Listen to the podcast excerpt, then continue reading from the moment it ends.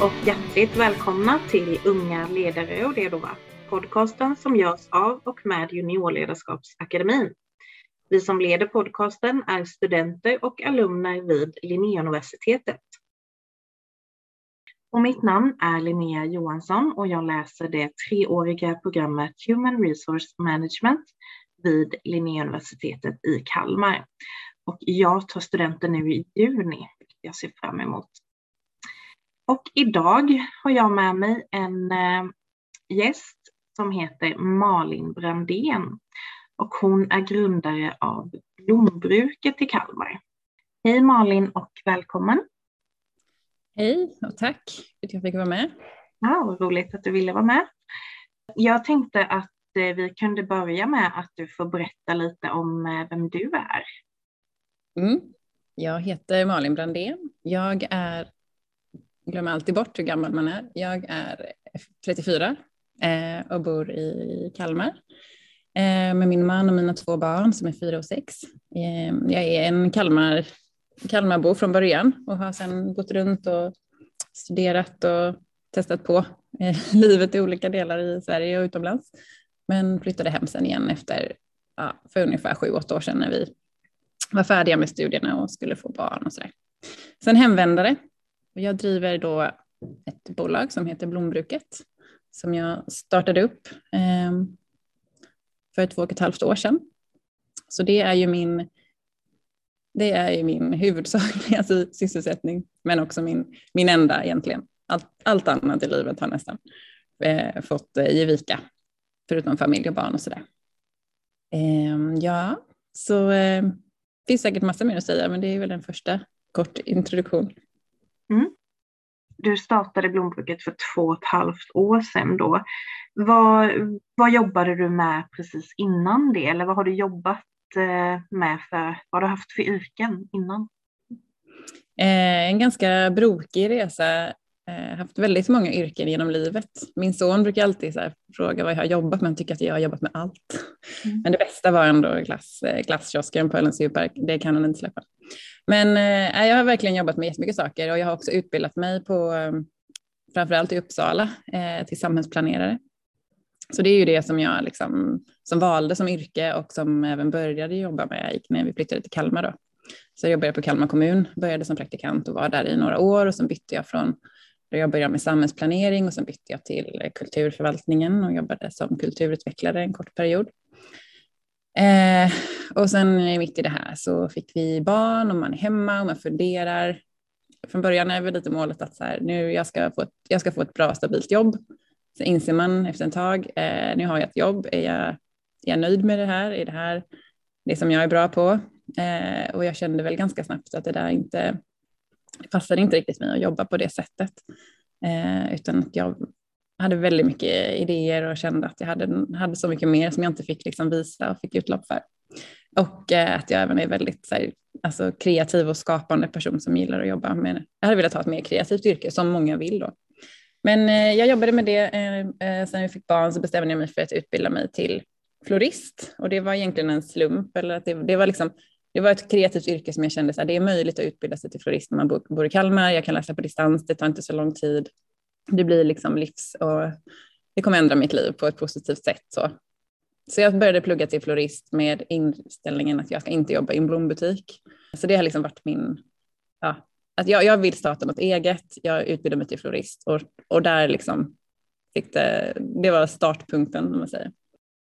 Ja, och sen eh, under utbildningen och så där så, så insåg jag väl mer och mer liksom vad det fanns för utmaningar i branschen och vad det fanns för potential. Och efter jag gjort praktik och, och så där så, så eh, blev det mer och mer att den här affärsidén formades då efter det. Men eh, en ganska brokig resa som har jag har insett nu att jag har väldigt mycket erfarenhet av. att man har läst på universitet, jag kan eh, skriva, jag kan, har analytiskt tänk. Eh, saker som jag innan känt så här, gud nu har jag läst i onödan. Eh, nu ska jag inte jobba med det. Men så ser jag inte jag alls på det nu, utan mer så här, allt olika man kan samla på sig är bara bra erfarenheter och sen så i slutändan så, så kan man väldigt mycket. Eh, så. så det är en skön känsla i alla fall.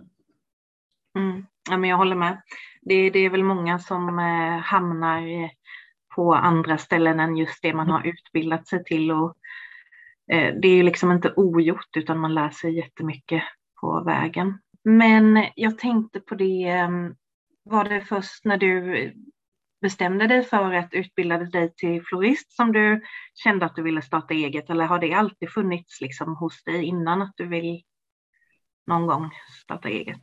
Ja, det har alltid funnits. Jag har ju hur mycket idéer som helst eh, liksom bakom mig som jag har tänkt att jag ska göra någonting av. Eh, och mycket så kreativa projekt och tänkt att jag ska designa olika möbler. Och, jag har alltid liksom hållit på med någonting sidoprojekt sådär eh, som har varit liksom min drivkraft och det jag tyckte var roligt. Så eh, verkligen så. Så det var väl lite, lite egentligen en slump liksom, att det blev just inom den här branschen. Mm. Mm. Och vad skulle du säga, för att jag tänker att många människor, inklusive mig själv, som går och tänker så här, ah, men gud vad jag skulle vilja starta eget och man kanske haft det som en dröm fast man, man vet kanske att så här, men kanske kommer jag uppfylla det eller inte. Eh, kan du liksom förklara vilken känsla du hade som gjorde att du visste liksom att ja, men nu vet jag att jag kommer starta eget liksom den här skillnaden mellan att drömma och faktiskt liksom agera. Mm. Alltså mycket tycker jag var när vi fick barn så blir tiden så värdefull på något sätt. Att liksom lämna dem varje dag och gå till ett jobb där man inte riktigt trivs eller det var liksom en viktig faktor för mig. Jag känner att nu lämnar jag ifrån mig barnen, liksom, nu vill jag göra, göra någonting som jag mår bra av eller som jag, som jag vill, för det är ju ändå den största delen av livet. Så det var ju en viktig faktor också att jag, det här låter ju jättedeppigt, alltså det, jag hade ju ett bra jobb så nu vet jag inte om jag vågar säga. Men jag kände lite så här att om det här liksom är det som är, kommer vara mitt liv nu, att jag ska, det här trygga, liksom, att jag ska gå hit och så ska jag hämta. Efter bara en, liksom, en kort period så kände jag att äh, jag ser inte fram emot mot det här. Liksom. Det känns för tråkigt redan. Så lite sådana där grejer och sen just det här, alltså just det här avbrottet man får när man är mamma, alltså, eller ledig med, hemma med ett barn. Liksom. Man får ett avbrott från livet och man ska starta upp det på nytt på något sätt. Jag tror det krävs, det är samma som med pandemin tror jag, att det är många som, liksom, man får ett avbrott och då liksom, hinner man reflektera och känna liksom att nu kan jag förändra någonting. Nu känns det jättetungt att gå tillbaka, men är man mitt uppe i det så, så är det ju sällan man liksom, man hinner ju inte riktigt det. Så det är nog eh, de viktigaste delarna för mig. Vill du berätta lite om hur det var när du skulle starta upp just blombruket och vad hade du för vision och, och, och drömmar om det? Liksom? Alltså jag, det, det, började ju med att jag, eh, jag, gjorde, jag, gjorde prakt, jag var färdigutbildad och så började jag jobba på en blombutik i Växjö. Eh, och så visste jag hela tiden att det var bara en kort period, det var där liksom för, att, för att lära mig. Och så åkte jag tåg varje dag till och från Växjö och varje dag satt jag. Det var den bästa tiden på dagen, en timme dit, en timme hem. Där jag bara satt och typ med typ en bok liksom och bara skrev ner massa idéer och liksom reflekterade så här över dagen och liksom eh, vad, har vad liksom har jag tagit med mig av den här dagen och de här erfarenheterna och typ googlade runt och hängde massa på Pinterest och fick massa, liksom varje dag kom på nya idéer hur jag skulle kunna jobba med blommor på något annat sätt. Liksom. Så det var egentligen där på tåget som det verkligen började så här, eh, silas ner. Och eh, jag kom fram till att jag ska jobba med, jag hade först en idé att jag skulle jobba med torkade blommor och göra liksom, tavlor av blom, brudbuketter och liksom jobba med blommor på det sättet. Men sen så, ju mer man liksom börjar räkna på en affär, även om jag inte var någon, jag är ingen ekonom eller sådär, men det går ganska snabbt så inser man att hur ska jag kunna försörja mig på det här liksom. Det tar ofta stopp tycker jag när man börjar räkna på detaljerna sådär. Eh, så kom jag på liksom att i alla fall att jag ska jobba med prenumerationer på ett eller annat sätt. Eh, och då hade jag faktiskt en annan idé från början med att jobba mer lokalt med prenumerationer. Så tog jag kontakt med Kalmar Science Park och hade då den, egentligen en annan idé. Och sen bokade jag ett möte med, eh, eh, det var Linus då som håller i det här Boost Chamber.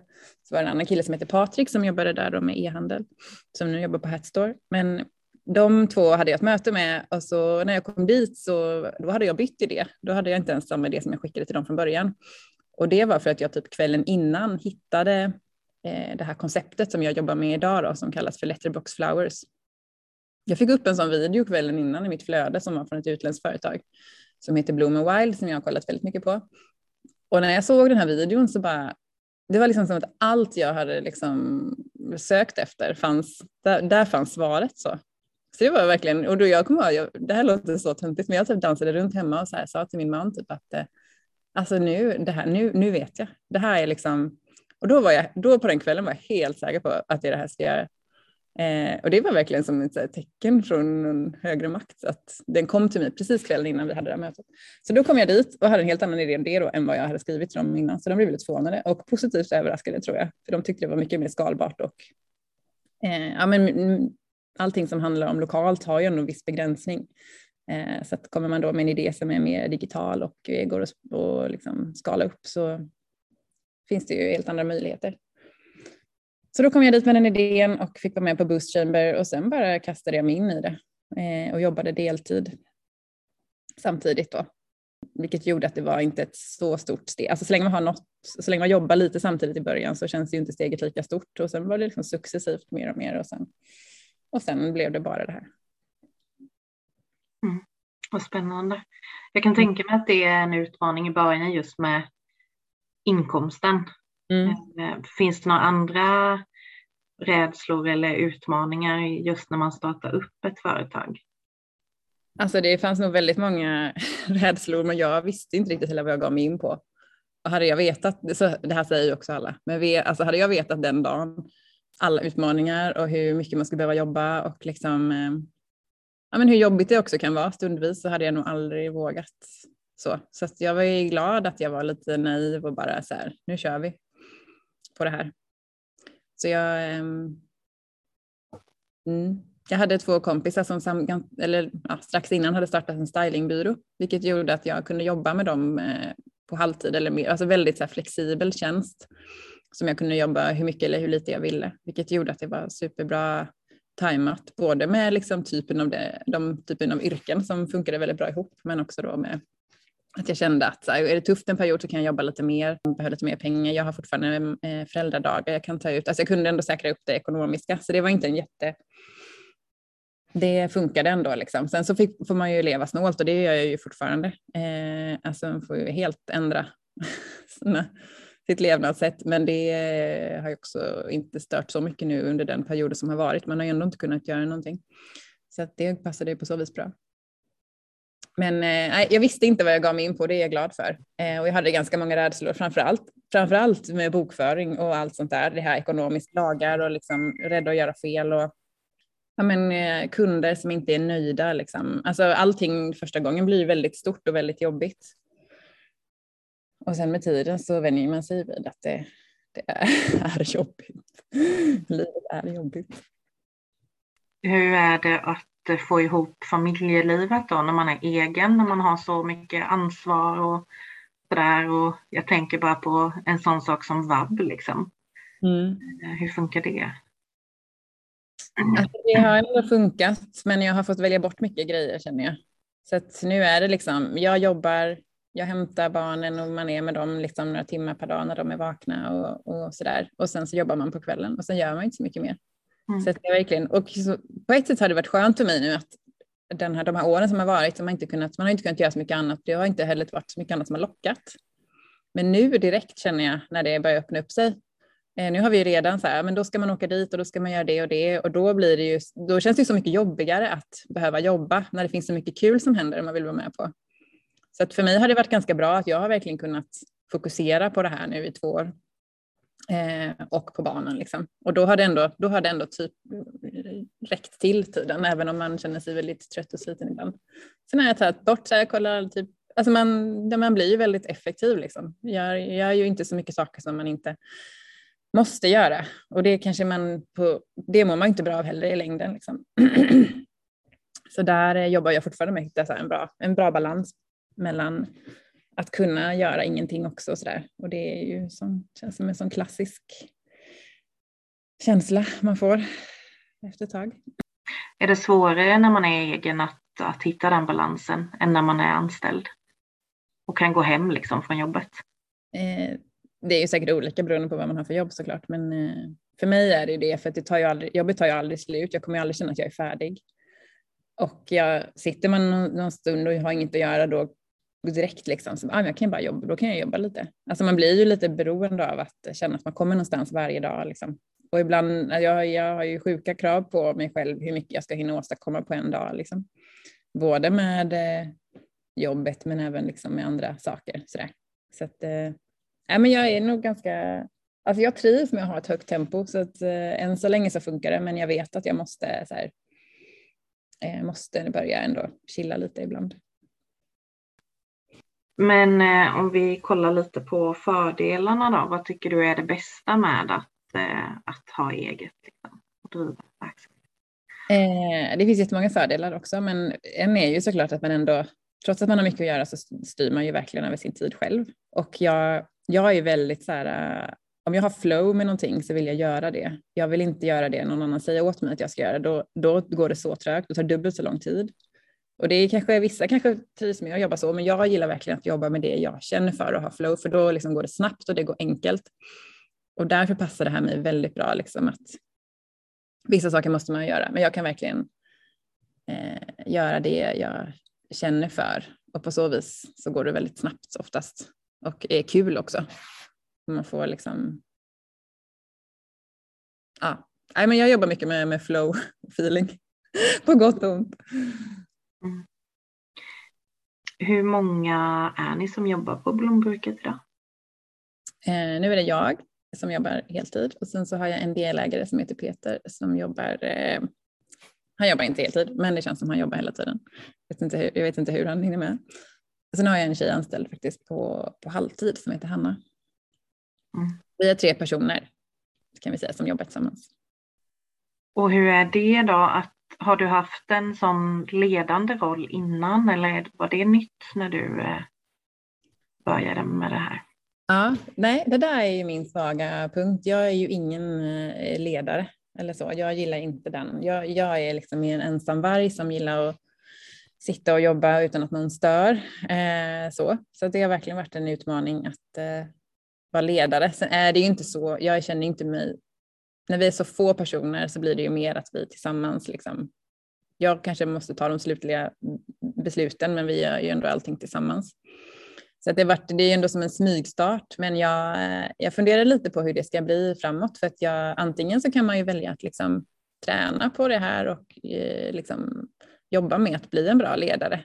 Men eh, där har jag väldigt dåligt självförtroende och tänker redan liksom att äh, men jag är ingen ledare, jag eh, kommer liksom att ta in någon annan i nästa steg som får leda. Jag vill bara flyta med. Typ. Eh, så där vet jag inte riktigt hur det kommer bli. Jag har inte eh, bestämt mig. Vi får väl se vad som händer nu också. Hur mycket om teamet kommer växa eller så länge vi är tre nu så är det ju, det funkar liksom. Men antingen så kommer jag behöva växla upp själv där eller ta in någon annan som, som mm. gör det. Och man, ibland känner jag att man, man vet ju inte vad man kan förrän man har provat. Så att, eh, kanske skulle jag bli en bra ledare. Eller så får man bara acceptera att jag gillar inte den här rollen. Eh, jag, vill hellre, jag vill hellre jobba med mitt för mig själv. Liksom. Så jag har inte kvar hur det kommer bli, men eh, vi får se. Mm. Vad tycker du, är det några speciella egenskaper som du letar efter hos en ledare? Något, något speciellt som du tycker liksom är viktigt? Sådär? Det var en svår fråga. Um, den kan jag inte svara på i dagsläget. Um, ehm, jag vet inte, vi kanske kan återkomma till den. Jag har inte, alltså det är svårt också för jag har inte haft så lång, eh, jag har inte jobbat så länge innan jag började med det här. Alltså det finns ju de som har haft massa erfarenhet av olika chefer och sådär.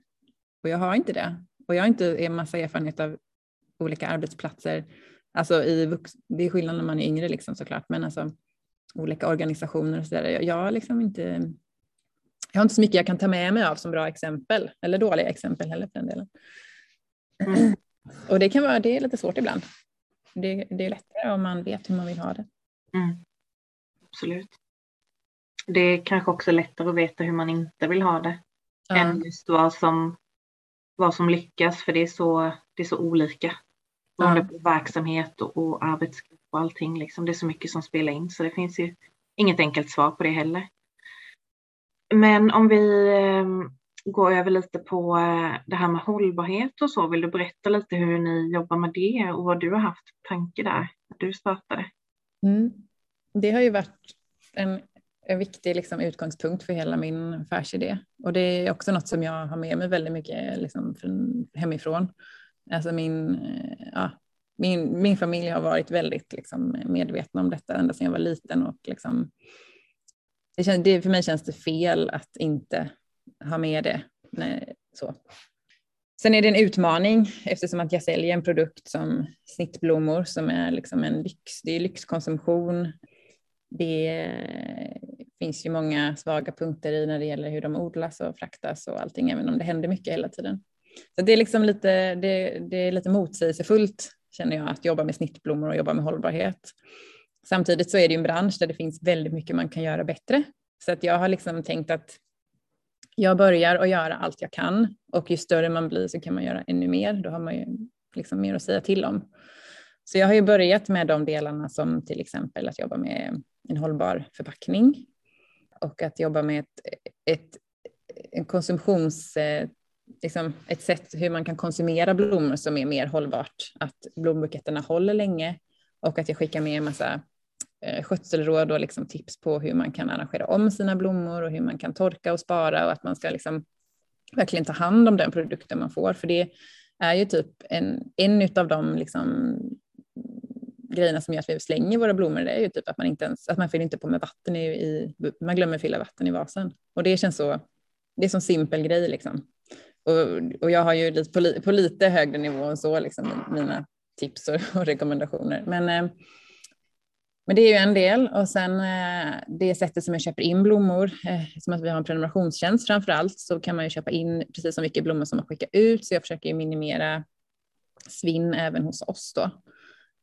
Så det är ju de, det är ju de stora delarna. Eh, och sen har jag ju förra år, innan, för ett år sedan ungefär så började jag med svenska blommor, hur man skulle kunna få en en svensk produkt och det är ju någonting som ligger kvar men det är väldigt svårt i dagsläget att skala upp det. Ehm, för kunden är inte riktigt heller beredd att betala eh, högre pris för, för den produkten där det också finns ett betydligt mindre utbud och sådär.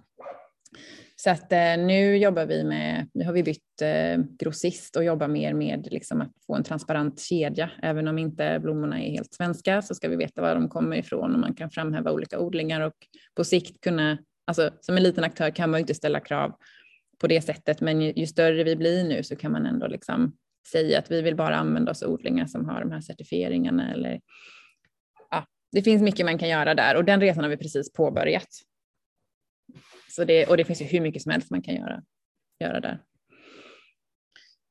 Vi fick ju pris också från Postnord för vi skickar ju blommorna med posten och det är ju väldigt ett ändå förhållandevis bra sätt att liksom transportera eller frakta blommor eh, och vi har ju en minimal förpackning så att eh, vi har ingen luft i paketen och det är också en stor utmaning annars för e-handlare. Så det är också en sån grej. Du nämnde att det finns lite dåligt utbud liksom, eller begränsat utbud på svenska blommor. Men och jag har inte så mycket kunskap om det. Finns det liksom någon som odlar liksom bara svenska blommor eller är det alltid att fröna kommer liksom från andra länder? Hur ser det ut? Man skulle, man, Ja, fröerna, nej men det finns ju fröer som är svenska och blå, så man, man skulle kunna få en helt svensk kedja. Eh, men det är ju väldigt, väldigt begränsat sorter och det är inte under hela året. Eh, och om blommorna dessutom då ska ha lång hållbarhet, då skulle man ju få tumma på det, för det är så mycket, det är så mycket delar som måste stämma för att det ska gå att skicka blommor på det här sättet, att de ska stå länge hos kunden och att man också kunderna också som sagt efterfrågar en viss, om man prenumererar så vill man inte ha en likadan bukett varje vecka så det gäller ju att liksom få ihop den här ekvationen, att göra det så bra som möjligt för, på alla sätt. Eh, men självklart, eh, det finns ju hel svenska blommor som från, blom, från, liksom från frö, men det är i ytterst litet sortiment och inte under hela året. Nej, just det. Men hur ska man tänka som konsument tycker du? För att jag vet att det är många som tänker mer och mer hållbart och just mm. blommor är ju lite snittblommor framförallt, är ju lite knepigt eh, som konsument att veta liksom att om man ska strunta i att köpa snittblommor då bara för mm. att det är en lyxvara som du säger. Liksom. Eller finns det några, kan man med gott samvete liksom som konsument förbrukar snittblommor? Alltså jag tycker man kan eh, köpa snittblommor men man kan ju köpa det med, alltså med allt annat på ett mer medvetet sätt och man kan eh, Alltså man kanske köper några eh, blommor och sen kommer man komplettera från eh, trädgården eller från liksom kvistar utifrån och man kan ju det finns ju mycket man kan göra för att ha vackra blommor hemma utan att man behöver gå varje vecka och köpa en bukett och sen slänger man den i sopen efter några dagar. Liksom. Man, kan, eh, man kan ju lära sig liksom vilka blommor som håller lite längre så kan man köpa en sån bas och sen kan man byta ut liksom någonting då och då eller Eh, och sen kan man ju köpa efter säsong och det finns ju under sommarhalvåret, eh, eller i alla fall under fyra månader så kan man ju gå, finns det ju många lokala odlare eh, som det blivit mer och mer inne med så här självplock och den typen. Så det är ju väldigt, det är ju fantastiskt att kunna gå och, och plocka blommor på det sättet och det är ju hållbart och även liksom gynna någon som, som jobbar med det här i, i närheten. Så att jag tycker man får, ehm, man måste ju få, få köpa blommor men man kan ju vara lite mer medveten om hur ofta och vilken kvalitet det är på, kanske på blommorna man köper och så. Tror du att eh, det har ju blivit väldigt poppis med torkade blommor? Mm. Eh, I alla fall som jag upplever det bara senaste året. Mm. Tror du att det har med hållbarheten att göra? Det tror jag delvis, men sen tror jag också det handlar mycket om att det är smidigt. Alltså, många tycker att det är jobbigt med färska blommor, att man måste, hålla, man måste byta ut dem och köpa och, och ta hand om dem. Eh, så det, jag, det tror framför allt att det är bekvämlighet ihop med att de är lite så dämpade och de har en färgskala som många gillar hemma. Eh, jag tror det, det är nog jag tror det är egentligen det som styr. Och sen kanske man säger att det är hållbart, men det är nog bara en efterhandskonstruktion. Tror jag. Ja, det är lite trendigt. Mm. Vad har du för eh, tankar inför framtiden då med verksamheten? Vad, vad har du för drömmar och mål och sådär? Ja, alltså jag har ju, jag vill att det ska bli, jag känner att jag vill hela tiden att det ska växa och hända någonting. Eh, man skulle ju kunna haft som mål att ah, men jag ska ha så här många prenumeranter, då går businessen runt och då ska jag bara, bara njuta. Men jag märker ju ganska snabbt att jag tycker inte att det är så kul när det bär, alltså att bara göra samma. Jag måste hela tiden göra något nytt eller tänka framåt. Liksom. Det är det som driver mig. Så, att så den inställningen har jag ju till blombruket att jag vill att det ska bli eh, jag vill att det ska bli jättestort och jag skulle vilja ha ett eh, ett större team där man har väldigt, för det är, nu är vi ju tre personer och det är väldigt stor skillnad tycker jag mot att varit själv, men jag kan också se fram emot att vara ett större team där alla är liksom grymma på sin grej och komma till den, liksom, till det, den nivån att man känner att man kan göra, man kan göra vad som helst typ, inom teamet för alla är så, så duktiga på sin sak. Liksom. Eh, så det är ju mitt mål och det ser jag fram emot om det skulle bli så en dag att jag får jobba med den, de delarna som jag tycker är absolut roligast. Det hade varit så häftigt. Eh, och sen får vi se om det, om det blir så eller inte. Skulle det av någon anledning, det händer ju så mycket i världen nu, man vet aldrig vad som, man vet ju aldrig liksom. Så skulle det här liksom ta stopp eh, imorgon så skulle jag ändå inte alls känna liksom mig, jag skulle inte känna mig ledsen för det heller. Jag skulle känna bara, gud, alltså jag har aldrig lärt mig så här mycket på kort tid tror ju att jag skulle få ett ganska kul jobb eh, efter det här utifrån allt jag Ja, men nu, känner jag, nu har jag vis, liksom, visat på mig själv att jag kan någonting så att jag, jag känner mig inte orolig liksom, om, det skulle, om det skulle hända någonting. Det känns spännande oavsett faktiskt. Och du har åstadkommit väldigt mycket trots att du bara är 34 faktiskt. Det, det är inspirerande. Ja, ibland känns det så. Ibland känns det som att gud, jag är 34 men jag kan inte ens, eh, inga pengar på kontot. så kan man känna ibland. Men det är, det är en världslig sak. Ja. ja, det låter som ett väldigt härligt team också. Tankarna du har där inför framtiden. Tror du att det är det som skiljer en entreprenör från att inte vara entreprenör? Just det här du sa om att hela tiden vilja komma framåt liksom. Att man inte nöjer sig med att nu är det här bra och nu ska jag bara fortsätta. Mm. Utan att det du sa där om att du hela tiden vill hitta liksom, nya saker och du vill fortsätta och det. Eh. Ja, det tror jag verkligen. Mm. Jag märker ju på Peter som jag jobbar med, han är ju en, en entreprenör som har gjort en, ja, utvecklat Infomaker, ett annat ett bolag i, som finns i Kalmar men som nu är sålt till eh, USA. Och han är ju verkligen en superentreprenör och jag känner att jag känner verkligen så mycket igen mig i honom. Liksom.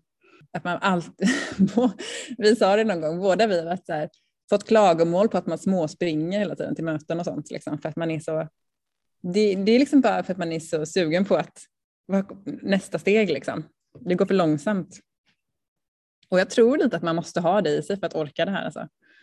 Eh, det finns ju vissa dagar man är, så här, man är trött om det hänt någonting eller att man inte har, alltså, eh, då, då går det ju jättetrögt. Men de flesta dagarna så liksom, eh, går jag hit med väldigt lätta steg liksom, och skyndsamt och eh, ser fram emot vad som ska hända. Liksom. Jag tror man måste ha den, man måste nog ha lite av det i sig för att det ska kunna bli någonting. Och det är ju på gott och ont, alltså ibland är det ju jätteskönt. Ibland önskar jag att jag var en person som var mer så här, nu har jag det här och nu är jag nöjd och nu är det bara, nu är det bara mysigt. Men eh, så är det inte. Och jag, man, får, man, får hitta, man får ju vara nöjd ändå, men jag kommer alltid vilja liksom framåt på ett eller annat sätt. Ja, det är både härligt och jobbigt att vara en sån person ja. som, ja, jag förstår vad du menar. Men eh, vad heter det, har du några tips då om man, om man är en person som har väldigt mycket idéer och man hela tiden liksom på ett eller annat sätt jagar framåt, har du några tips liksom hur man ska sätta sina idéer i liksom mer action och inte bara drömma liksom? Har du några bra tips? Ja, men alltså framför allt så, här, så är det, man har ju mycket idéer men man pratar ju inte alltid om dem. Så att, så här, att gå runt med massa idéer i sitt huvud, att ta det därifrån och börja prata om det, då tycker jag man märker ganska snabbt här, vad, vad, som, vad folk liksom går igång på eller vad man, man, när man pratar om någonting med någon annan så tycker jag oftast att mycket liksom, frågetecken rätas ut för att man liksom typ förklarar problemet för sig själv och för någon annan och så hittar man liksom olika sätt att uttrycka det och kommer fram till. Så att eh, ja, men prata med, med andra om så här idéer och eh, med folk som, eh, det gör ju väldigt mycket vad man, man umgås med för folk tycker jag. Alltså träffar man mycket människor som är väldigt, eh, också har mycket idéer och eh, kommer med roliga liksom, idéer tillbaka då, så blir det ju då händer det mycket och vice versa. Så det är väl ett tips. Jag vet inte om jag kommer på något mer. Ja, men typ att eh, om man har man möjligheten så kan man ju alltid testa lite grann och bara känna på det. Man behöver ju inte så sluta sitt jobb eller någonting, men om man har en liten idé då kan man ju faktiskt testa det lite, lite vid sidan av, alltså mini, bara känna på det, hur känns det? Eller, eller typ eh, via praktik någonstans där man jobbar med något liknande eller Alltså jag tycker ändå att det är väldigt synd att man går och har massa idéer och grejer man vill göra och man vågar aldrig liksom testa någonting. Sen kan det ju vara att man testar och man inser att nej, det här passade inte mig, men då har man ju i alla fall liksom gjort någon action. Jag har, jag har väldigt svårt när man liksom går runt med och klagar, alltså man kanske, om, man, om man är nöjd är det en sak, men om man går runt och klagar över sin situation och sen inte gör någonting för att förändra den, Eh, det kan inte jag förstå. Nej, jag håller med. Jag håller med dig. Ja, men det är en grej som jag brukar bara säga, för att jag tycker det är många som frågar sig, hur vet man? Alltså man måste ju fatta väldigt mycket beslut och så. Eller varje dag så är det ju liksom, vad tycker jag om det här? Hur ska man göra? Si och så. Och det där, man är väl mer eller mindre liksom oroligt lagd, men där är jag så himla glad över att jag alltid har kunnat liksom chilla med besluten och så här, okej okay, nu kom det här jobbiga mejlet eller den här jobbiga kunden eller den här situationen och sen så bara okej, okay, jag läser det, jag registrerar det, jag eh, avvaktar tills svaret kommer upp automatiskt. Så funkar det väldigt mycket för mig i alla fall. Det kan verkligen skicka med att så här, inte eh, liksom agera på allting för snabbt. Liksom. Utan så här, eh, det uppstår problem, det kommer lösa sig. Eh, och oftast så kommer svaret till dig. det är ett tips som jag bara vill eh, skicka med som jag har hjälpt mig supermycket. För annars hade man ju varje dag bara varit orolig och härjat hit och dit. Och, ja. Så det vill jag skicka med. Jättebra tips verkligen. Att inte stressa. Men vi brukar då avsluta med tre snabba frågor. Och Eh, då är den första, har du några särskilda rutiner som du tror är en framgångsfaktor? Jag har från fort, fortsatt eh, en regel att aldrig jobba på fredagkvällarna fredagskvällarna och på helgen. Nu har jag fått göra lite av avstamp från det för att jag har börjat köpa in blommor på söndag morgon och det måste jag göra. Men för, förutom det liksom, så är fredagskvällen och lördagen och söndag varit heliga för mig. Sen kan jag jobba ganska mycket på, eller på dagarna och på kvällarna i veckorna. Så. Det har funkat bra för mig. En annan rutin är ju såklart alltså fysisk träning. Det är liksom avgörande för att må bra. Så fort jag slutar träna så känner jag mig jättestressad och ångestfylld. Liksom. Och så börjar man träna och sen är det borta. Så det är så, tycker jag är ett sånt uppenbart samband. Mm. Eh, och Eh, vad skulle du säga till ditt yngre jag? Att alla oros... Man är ju väldigt orolig för saker när man är yngre. Hur ska det bli och om jag duger till och alla sådana där saker. Eh, då skulle jag bara säga att allt det där kommer att lösa sig. Alltså det handlar bara om att erfarenhet i livet på något sätt. Um, så det som känns som jättestora världsproblem när man är yngre, det är ja, samma som jag sa där innan, liksom. bara, bara chilla så kommer det lösa sig. Försöker ha den inställningen även till mina barn, alltså när barnen, när man har problem med barnen helt enkelt. Mm. Mm. Eh, och varför tycker du att man ska bli eh, entreprenör eller ledare? Eh, för att det är otroligt häftig känsla att kunna göra det man vill och att få, få möjlighet att har man en idé eller liksom, vill man göra någonting då kan man göra det direkt. Och det är verkligen en, det är verkligen en häftig känsla. Det finns många anledningar men det är i alla fall en av dem. Härligt. Tack snälla Malin för att eh, du ville vara med i vår podcast eh, och dela med dig om våra lyssnare vill kontakta dig, hur gör de det på bästa sätt? Då kan man mejla på malin.blombruket.se. Yes. Och vill ni komma i kontakt med mig Linnea så gör ni det på bästa sätt via LinkedIn. Eh, och återigen tack Malin och jag önskar dig en fortsatt härlig dag. Detsamma. Tack för att jag fick vara med. Tack.